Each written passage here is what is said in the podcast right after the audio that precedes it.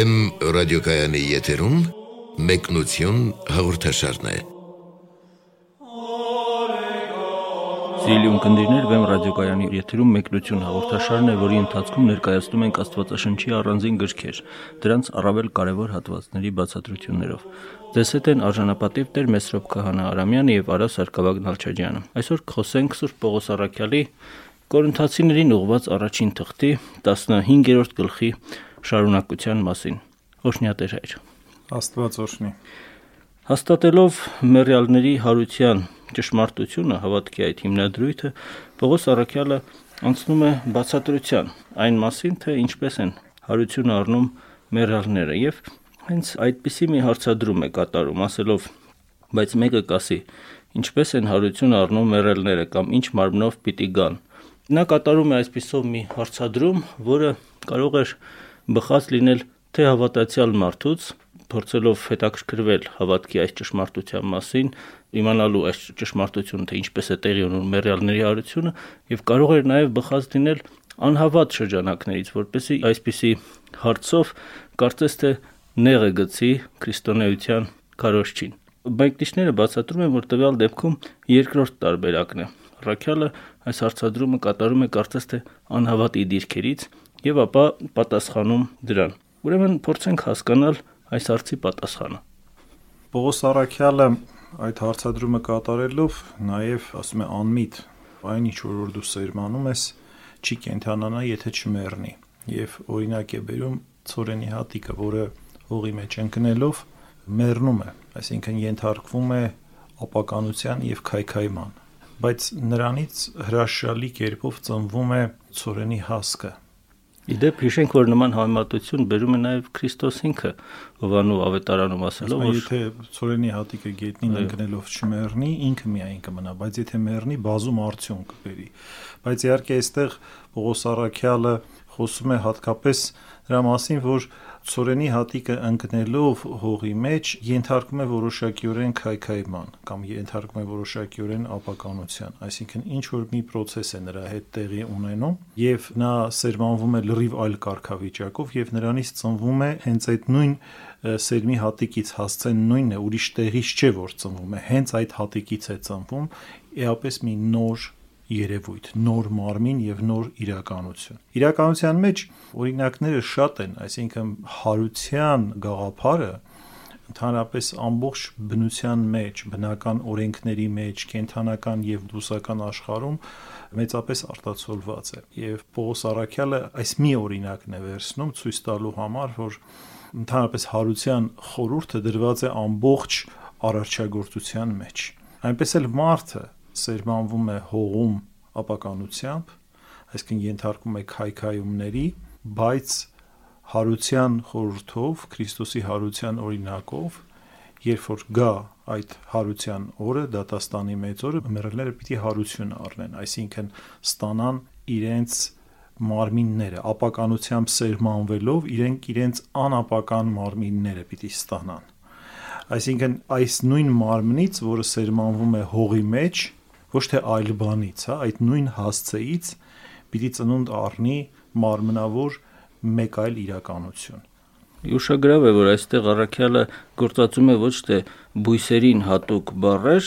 քանի որ բույսերից է օրինակը բերում, այլ կենթանական աշխարհի եւ մանավանդ դրա բարձրագույն մասի մարդու մարդկային մարմնին բնորոշ բառեր։ Նա ասում է մեռնել եւ ծնվել։ Չի ասում թե փչանալ, փտել, ապականել եւ այլն, այս կամ ինչ որ այնպիսի բառեր, որ առավել գուցե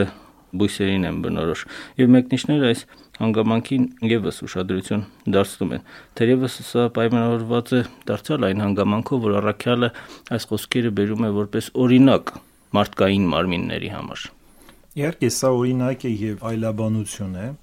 բայց նաև օրինակը այլ տեղից չի վերցնում, հենց արարչությունից է վերցնում, ցույց տալով, որ այդ հարության օրենքները դրված են արարչագործության հիմքում։ Ի վերջո կյանքը ոչ այլ ինչ է, եթե ոչ տևական հարություն, այսինքն անընդհատ կյանքում տեղի են ունենում այդ հարության process-ները։ Մենք անընդհատ ենթարկվում ենք, կարելի ասել, աննկատորեն ինչ որ մահվան process-ների եւ ինչ որ հարության process-ների։ Անդադ մենք տևապես հոգեպես եւ ֆիզիկապես մեռնում եւ հարություն ենք առնում քնում եւ արթնանում ենք տարբեր process-ներ են մեր մեջ տեղի ունենում բայց այնպես չի որ այս process-ները լիակատար բալանսի մեջ են գույություն ունի հարության ուղակի վեկտոր, այսինքն հարությունն է դոմինանտ մարդկային կյանքում, քանի կա կյանք, սա նշանակում է ուղակիորեն հարություն որ մենք հավաքված ենք կյանքի հարության շուրջ։ Եվ նաև Պողոս Արաքյալը ցույց է տալիս, որ արդեն ֆիզիկական մահվանից հետո այս այս օրինակով միևնույն է այդ գերագույն օրենքը կյանքի սկզբունքը կարևորագույն սկզբունքը հարության սկզբունքը աշխատում է նաև մեր ֆիզիկական մարմինների հետ եւ դրանով նաև ցույց է տալիս որ այդ ֆիզիկական մարմինը որը ենթարկվում է առաջին հայացքից անհասկանալի եւ անիմաստ մի քայքայման իր մեջ ունի կարևոր մի նպատակ, դա աննպատակ չէ։ Եվ չի կարող Աստծո կողմից արարվածը ունենա ոչ նպատակային կիրառություն, այսինքն մարմինը լինի աննպատակ մի բան, որը ենթակա է ոչնչացման։ Եթե մարդու մարմինը ենթակա է ոչնչացման, ուրեմն նշանակում է ֆիզիկական ամբողջ աշխարհը ենթակա է ոչնչացման եւ ընդհանրապես ֆիզիկական աշխարհը ոչ մի իմաստ իր մեջ չի պարունակում։ Այդ դեպքում հարց է առաջանում, ինչու է մարդը մարմնով արարվել։ Այնք կան հրեշտակային զորություններ, որոնք անմարմին են չունեն մարմին եւ իրենք Աստծո արարչության մաս են կազմում։ Ուրեմն ինչու է մարդը մարմնով արարվել, եթե այդ մարմինը լիներ անիմաստ։ Նկարագրելով արարչությունը հակիրճ մի քանի շեշտադրումներով, որտեղից վերցնում է առաքյալը իր օրինակները, նա այսպես է շարունակում իր միտքը։ Այսպես է նաև մեռելների հարությունը, սերմանվում է ապականությամբ եւ հարություն է առնում առանց ապականության։ Սերմանվում է անարգությամբ եւ հարություն է առնում փառքով։ Սերմանվում է տկարությամբ եւ հարություն է առնում զորությամբ։ Սերմանվում է շնչավոր մարմին եւ հարություն է առնում հոգեվոր մարմին։ Եթե կա շնչավոր մարմին, կա եւ հոգեվոր արդեն առաջին մտքերին, որ ապականությամբ սերմանվում եւ անապական կերպով հարություն առնում, դուք անդրադարձակ, ես կուզենայի վերջին մտքին ուշադրություն դարձնենք դեր հոգեվոր եւ շնչավոր մարմիններ այսպիսի արտահայտությունները գործածում առաքյալը եթե ասում եք որ նույն մարմինը որը սերմանվում է հենց այդ մարմինն է որ հարություն է առնում ապա այլևս ինչու է առաքյալը տարբերություն դնում շնչավորի եւ հոգեվորի եւ ասում որ այդ մեռնողը կամ սերմանվողը շնչավոր մարմինն է եւ հարություն առնողը հոգեվոր մարմինն է ինչով են տարբերվում իրարից հոգեվոր եւ շնչավոր մարմինները եւ արդյոք դա նույն մարմինը չէ Դրա համար Ցորենի հատիկի օրինակը ինքը գեղեցիկ օրինակ է, բայց ինքը լիակատար կերպով մեզ չի փոխանցում հարության իրականությունը, որտեղ ի վերջո Ցորենի հատիկից ծնվում են քանակով շատ, բայց նույնպես ծորենի հատիկներ, այսինքն նույն օրենքների մեջ գտնվող հատիկներ են եւ Պողոս Արաքյալը արդեն այս բացատրությամբ ցույց է տալիս, որ այդ օրինակը իհարկե որպես այլաբանություն ծառայում է իր նպատակին, բայց ցանկացած օրինակ աշխարհիկ օրինակ սահմանափակ է փոխանցելու համար մերելների հարության այդ խորուրդը։ Դա ընդհանրապես օրինակ է։ Դա ընդհանրապես օրինակ է, այո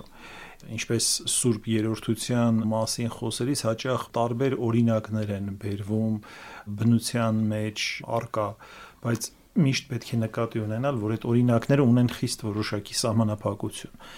Ինչ վերաբերվում է շնչավոր եւ հոգեվոր մարմնին, Պողոս Արաքյալը ասում է, որ այն մարմինը, որը ծնվելու է այս մարմնից, ինքը ծնվելու է այս մարմնից, այսինքն սա այդ մարմնի շարունակությունն է լինելու, բայց ինքը լինելու է լրիվ այլ օրինաչափությունների մեջ։ Այդ օրինաչափությունների մասին նաև Քրիստոս է խոսում ավետարանում, ասելով, որ երկնքի արխայության մեջ չեն ամուսնանում եւ չեն բաժանվում, երբ որ այդպիսի հարցումներ էին կատարում, ցույց տալու համար, որ այնտեղ լրիվ ուրիշ օրենքներով են ապրում։ Բնական է, ворթեծնության եւ ընդհանրապես ախտակրության բազմաթիվ երևույթների ֆունկցիոնալությունը դադարելու է մեռելների հարությունից հետո։ Մեռելների հարությունից հետո օրինակ կարիք չկա սննդարական process-ների կամ այլ process-ների, որոնց ենթարկվում է ֆիզիկական մարմինը կամ այսպես ասած շնչավոր մարմինը, որտեվ ինքը արդեն հոգևոր վիճակում է գտնվում։ Այնպես որ Պողոս Արաքյալը սրանով ուղղակիորեն ասում է, որ մարմինը մեռելների հարությունից հետո մտնելու է այլ կարգավիճակի մեջ։ Ինքը լինելու է ֆիզիկական մարմին, բայց լինելու է հոգեղեն մարմին։ Ինքը լինելու է երկնավոր եւ այս մարմնի նպատակը այդ մարմնին հասնելն է այս մարմնի վիճակը ժամանակավոր վիճակ է եւ այդ վիճակը երկնային վիճակը կամ այդպես հոգեղեն վիճակը կոչվում է անապականության վիճակ այսինքն այս մարմինը ապականացու է ենթակա է քայքայման process-ների, բայց ոչ միայն քայքայման process-ների, այս մարմինը ենթակա է կրքերի գիրընդունակությունների, որտեղ երբ որ ապականության եւ անապականության մասին են խոսում, եկեղեցու հայրերը գլխավորաբար նկատի ունեն մարմնի գիրընդունակությունների կամ կրքերին ենթակա լինելու կամովի կամ ակամա լինելը։ Հետևաբար երկնքի արխայությունում այս գիրընդունակությունները կրքերին ենթակա լինելը լրիվ այլ բնույթ է ունենալու դադարելու են ֆունկցիոնալությունը այդ կրքերի երկնքի արխայության մեջ դրա համար ասում ես սերմանվում է շնչավոր եւ նրանից ծնվում է հոգեվոր մարմին թեպետ երբ Քրիստոս աշակերտներին հայտնվեց տիբերական ծովափին նա նրանց հետ հաց կերավ ցույց տալու համար որ դա նույն մարմինն է այսինքն ինքը ոչ թե առերևույթ է հայտնվել նրանց, այլ այդ մարմինը այն նույն ֆիզիկական մարմնի շարունակությունն է, բայց ակնհայտ է, որ երկնքի արխայության մեջ այդ ֆիզիկական սնունդի կարիքը բնավ չկար։ Այստեղից էլ նորից եմ ուզում ասել, որ այդ կրքերի կամովի եւ ակամա լինելու մասին է խոսքը այսինքն այլևս այդ ուտելու եւ մնացած բոլոր կրքերը ակամա կերպով չեն իշխելու մարդու մարմնի վրա, մարմնական գոյության վրա, ինչպես երկրավոր կյանքում։ Պաստորեն ստացվում է, որ նոր եւ գերազանց հատկություններով է օժտված լինելու հոգեվոր մարմինը, որի մասին խոսում է Պողոս Արաքյալը եւ որի հաստատումն է հենց նրա իսկ խոսքի շարունակությունը։ Այսպես էլ գրված է. առաջին մարդը Ադամը եղավ կենթանի շունչ, վերջին Ադամը կենթանարար հոգի, բայց ոչ նախ հոգեվորը, այլ շնչավորը եւ ապա հոգեվորը։ Առաջին մարդը երկրից հողեղեն, իսկ երկրորդ մարդը Տերը երկնքից։ Ինչպես հողեղենն է, նույնպես եւ հողեղեններն են, եւ ինչպես երկնավորը, նույնպես եւ երկնավորները։ Եվ ինչպես որ կրեցինք հողեղենի պատկերը, նույնպես եւ պիտի կրենք երկնավորի պատկերը։ Տեսնում ենք, որ հստակ տարանջատում է դրվում շնչավորի եւ հոգեվորի հողեղենի եւ հոգևորի, երկրավորի եւ երկնավորի միջև։ Պաստորեն այսպիսի ըստակ տարանջատումը կարծեմ թե հենց հաստատում է այդ նոր եւ գերանցած հատկությունների, որոնց մասին դուք տվեցիք պատշաճ բացատրությունը դեր։ Աշխային կյանքը պաստորեն երկու իրողությունների խաչաձևում է։ Մեկը հողեղեն եւ մյուսը հոգեղեն։ Մեկը երկրավոր եւ մյուսը երկնային։ Եվ մարդը ունի երկու հասցե։ Մի հասցեն Ադամից սկզբնավոր, որը հողեղեն հասցեն է, եւ մյուս հասցեն Քրիստոսով անverջ եւ այս երկուսի խաչաձևումը հենց Քրիստոսի մեջ է բանալին հենց Քրիստոսն է որը ինքը գալիս է եւ մեր հողեղենը վերցնում է մեր երկրավորը վերցնում է եւ հենց իր մեջ է ցույց տալիս որ այդ հողեղենի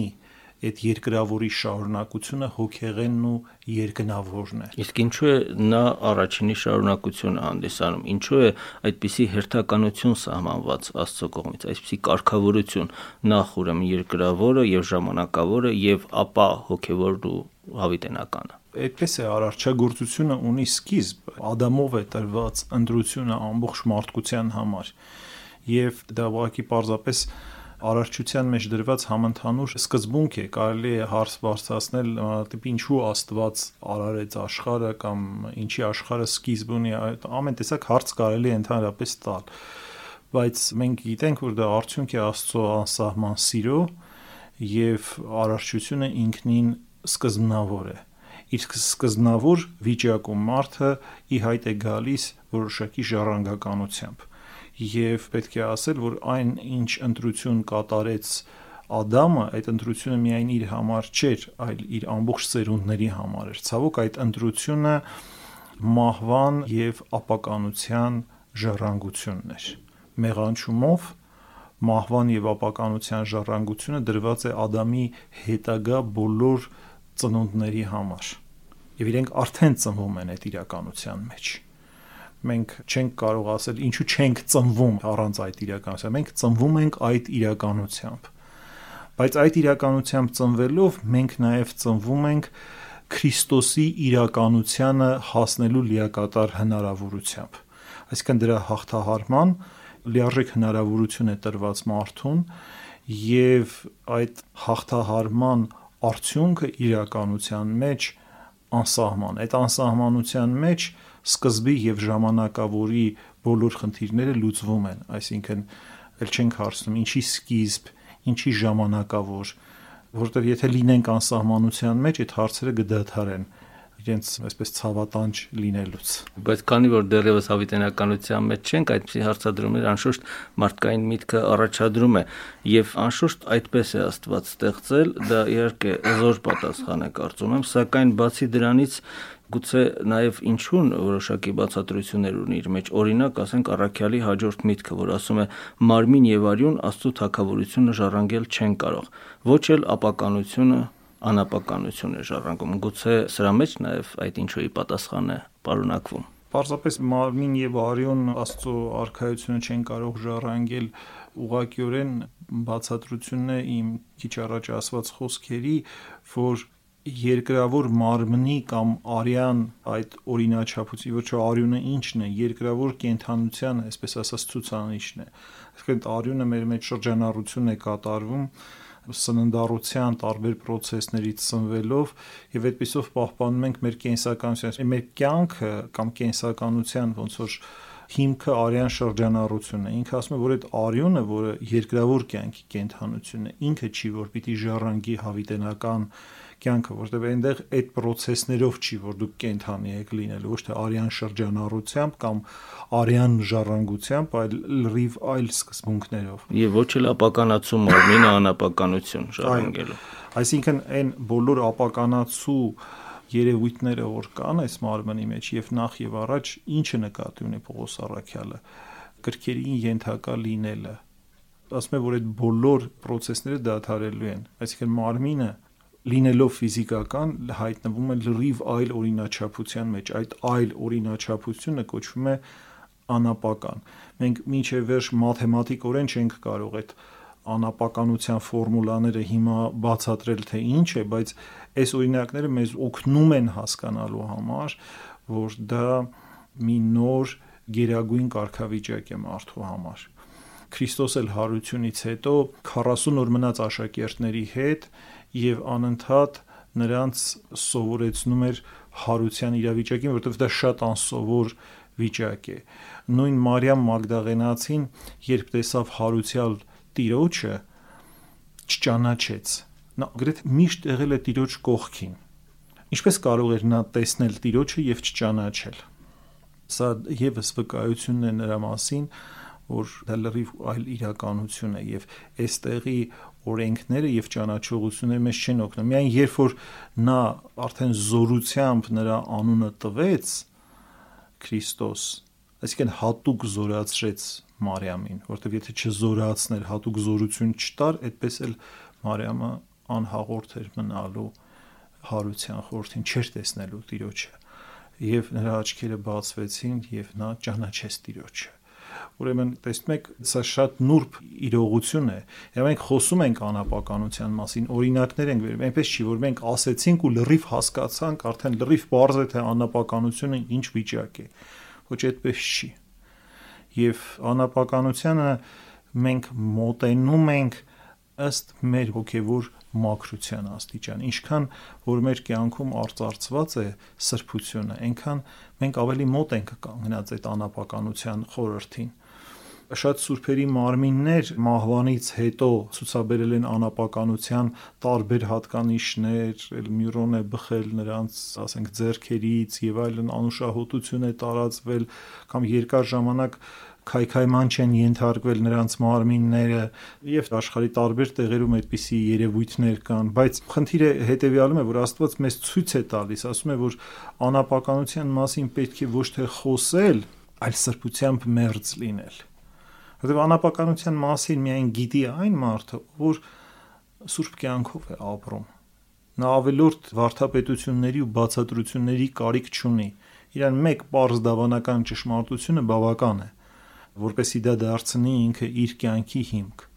Ուրեմն նորից սա ոչ թե բացատրություններով է, այլ հոգեպես ներկայություն ունենալն է անապականության խորհրդի մեջ։ Քանի որ այս հատվածում առաքյալը խոսում է հարության որպիսության մասին, դարձյալ եւս մեկ խորհուրդ է հայտնում առաքյալը, ասելով. «Արդ մի խորհուրդ եմ հայտնում ձեզ. բոլորս էլ պիտի ննջենք, բայց ոչ թե իսկապես բոլորս։ Պիտի նորոգվենք հանկարծակի, մի ակնթարթում, վերջին փողի ժամանակ, քանզի փողը պիտի հնչի եւ մեռելները հարություն պիտի առնեն առանց ապականության, եւ մենք պիտի նորոգվենք, որովհետև պետք է, որ այս ապականացու մարմինը անապականություն կրի եւ այս մահկանացու գոյությունը հակնի անմահություն։ Առաջին հայացքից բավական խրթին եւ անհասկանալի բառեր են, կարծես թե իրար յետևից շարված եւ եթե մարդ ամենևին ծանոթ չէ քրիստոնեական վարդապետությանը, գուցե տարօրինակ նաեւ թվան որոշակի արտահայտություններ այստեղ փողը հնչել, հանկարծակի նորոգվել եւ այլն։ Փոքրինչ պարզաբանության կարիք ունի, կարծում եմ սա։ Բայց բավականին հստակ է Պողոս Արաքյալի խոսքերը, որ փողը պետք է հնչի, այսինքն Ինչ փողի մասին է խոսքը։ Հրեշտակային փողը, որը որ պետք է աստարարի Քրիստոսի գալուստը։ Բնականաբար նորից սա հոգևոր խորհուրդ ունի, բայց ամենուր խոսում է դրա մասին, այսինքն եւ Քրիստոսի գալստյան այդ ձայնը խիստ հայտնի պետք է լինի բոլորին Այսինքն դա առաջի գալստյան պես հոնարաբար չի լինելու, այլ լինելու է հայտնությամբ, արևելքից մինչև արևմուտք, այսպես ասած, կայծակի ամպրոպի տեսքով եւ այլն, այսինքն ինքը հայտնի է լինելու եւ ակնհայտ ամենքի համար հա եւ հնչելու է այդ հրեշտակային փողի ձայնը, որը ի վերջո փողով առաջ կոչ են չէ արել մարդկանց, աստանշան են տվել կամ պատերազմների կամ ինչ որ թակավորական հրամանների եւ այլն, այսինքն փողով ազդարարվել է արքայի գալուստը։ Արքայի գալուստը հիմա այլ այս փողով, որը տիեզերական փող է, այսինքն այնպես է հնչելու այդ փողը,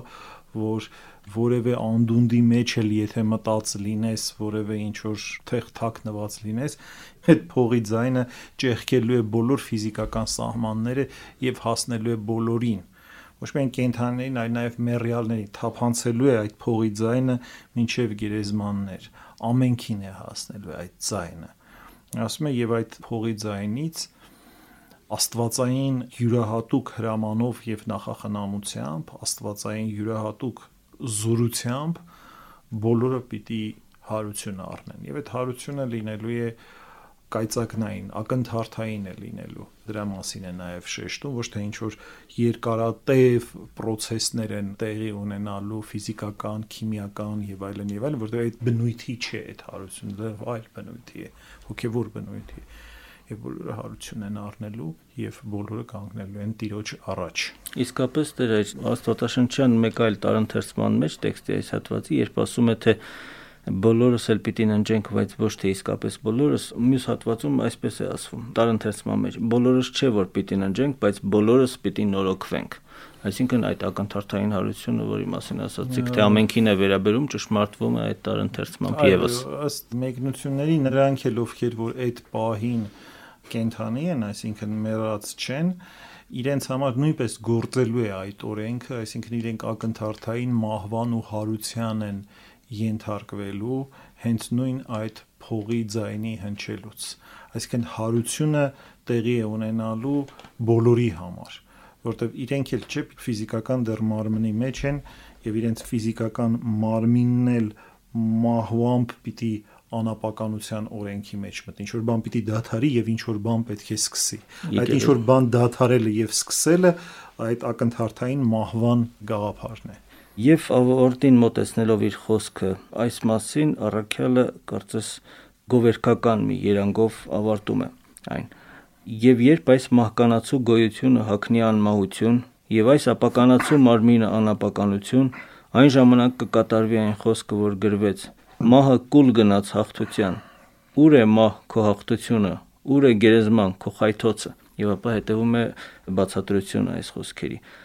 Մահի խայթոցը մեղքն է եւ մեղքի զորությունը օրենքը։ Բայց գոհություն Աստծո, որ տվեց մեզ հաղթությունը մեր Տիրոջ Հիսուս Քրիստոսի միջոցով։ Եվ ապա վերջին իր հայրական հորդորն է տալիս իր հոգևոր զավակներին եւ աշխարհին առհասարակ։ Ուրեմն եղբայրներ իմ սիրելի, հաստատուն մնացեք, անշարժ եղեք, ամեն ժամ ավելին եղեք Տիրոջ գործի մեջ։ Իմացեք, որ ձեր վաստակը իզուր չէ Տիրոջ առաջ։ Իսկապես շատ գեղեցիկ եզրափակում է մահակուլ գնաց հաղթության, ուր է մահքո հաղթությունը ուր է գերեզման քո խայթոցը։ Մահը պարտվեց, աստորեն։ Մահը պարտվեց։ Քրիստոսով մահը պարտվեց։ Եվ հետաքրքրական է նաև Պողոս Արաքյալի եզրահանգումը մահի խայթոցը մեղքն է եւ մեղքի զորությունը օրենքը շատ հետաքրքիր է որ Պողոս Արաքյալը նաև ցույց է տալիս թե ինչն է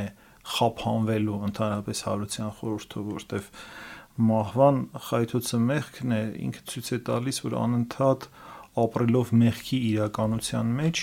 մենք մահվան իշխանության ներքո ենք, այսինքն մահը հաղթանակում է մեր մեջ։ Եվ հենց որ որ մեղքն ենք մենք կարողանում հաղթահարել,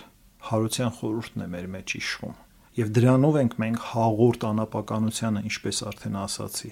ոչ թե տեսականորեն, այլ գործնականորեն Ուրեմն գործնականորեն, որպեսի մենք հասկանանք, թե ինչի մասին է Պողոս Արաքյալը ասում, մենք պետք է մահվան մեջ չապրենք, այսինքն մեղքի մեջ մենք չպետք է ապրենք։ Իսկ մեղքի զորության ֆիքսումը միայն օրենքի միջոցով է։ Արդեն իսկ օրենքը առաջացել է մեղքի պատճառով։ Փաստորեն, եթե խափանվելու մասին եք խոսում Տեր հայր, այսինքն մահվան եւ մեղքի խափանման մասին, միթե կարող ենք խոսել նաեւ օրենքի խափանման մասին։ Իհարկե, նաեւ օրենքն է խափան, որտեղ օրենքը հետևանքն է մեղքի իրականության։ Օրենքը առաջացել է այդ մեղքի իրականությունից ելքեր տալու համար, բայց օրենքի նպատակը չէ օրենքը միջոց է դեպի հարություն։ Երբ կա արդեն հարությունը, արդեն օրենքը անիմաստ է, որովհետև օրենքը ինքնանպատակ չէ ինքը ծառայում է միայն նրա համար, որպեսզի մենք մտնենք հարության խորհրդի մեջ, այսինքն ազատագրված լինենք։ Դրա համար այն մարդը, որը ազատագրված է,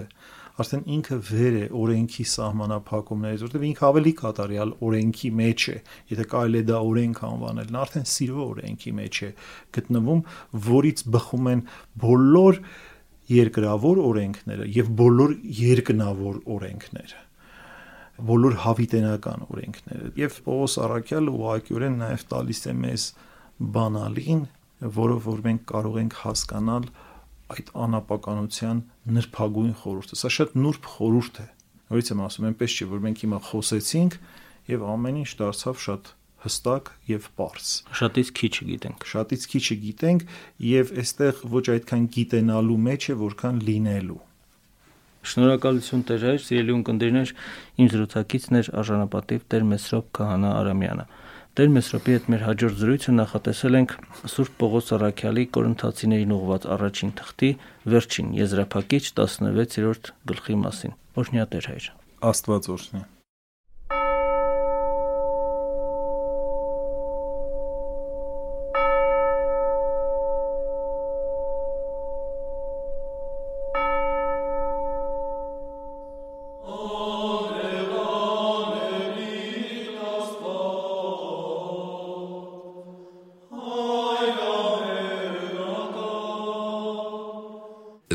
ռադիոկայանի եթերում մեկնություն հաղորդաշարներ։ Զրույցը վարեց Արաս Սարգսակյան Նալչաջյանը։